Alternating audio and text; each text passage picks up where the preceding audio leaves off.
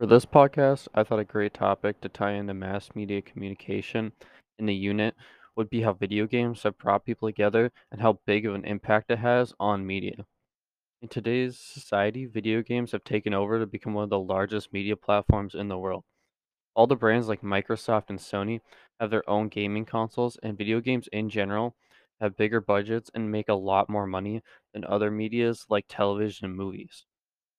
They have created social networks where we can talk to people around the world for free on their platforms, and they have been the baseline for having fun with friends who aren't near us.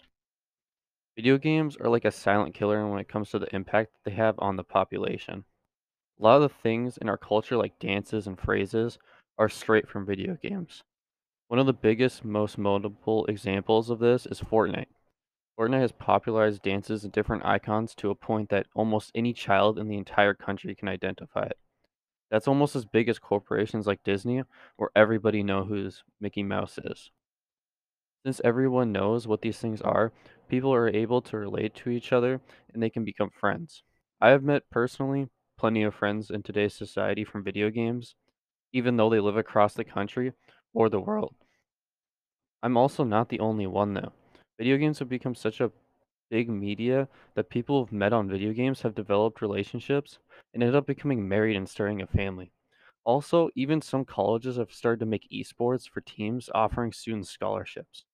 If we went back into time today, people would be at awe the effect that it has, and the only direction for video games is to go up.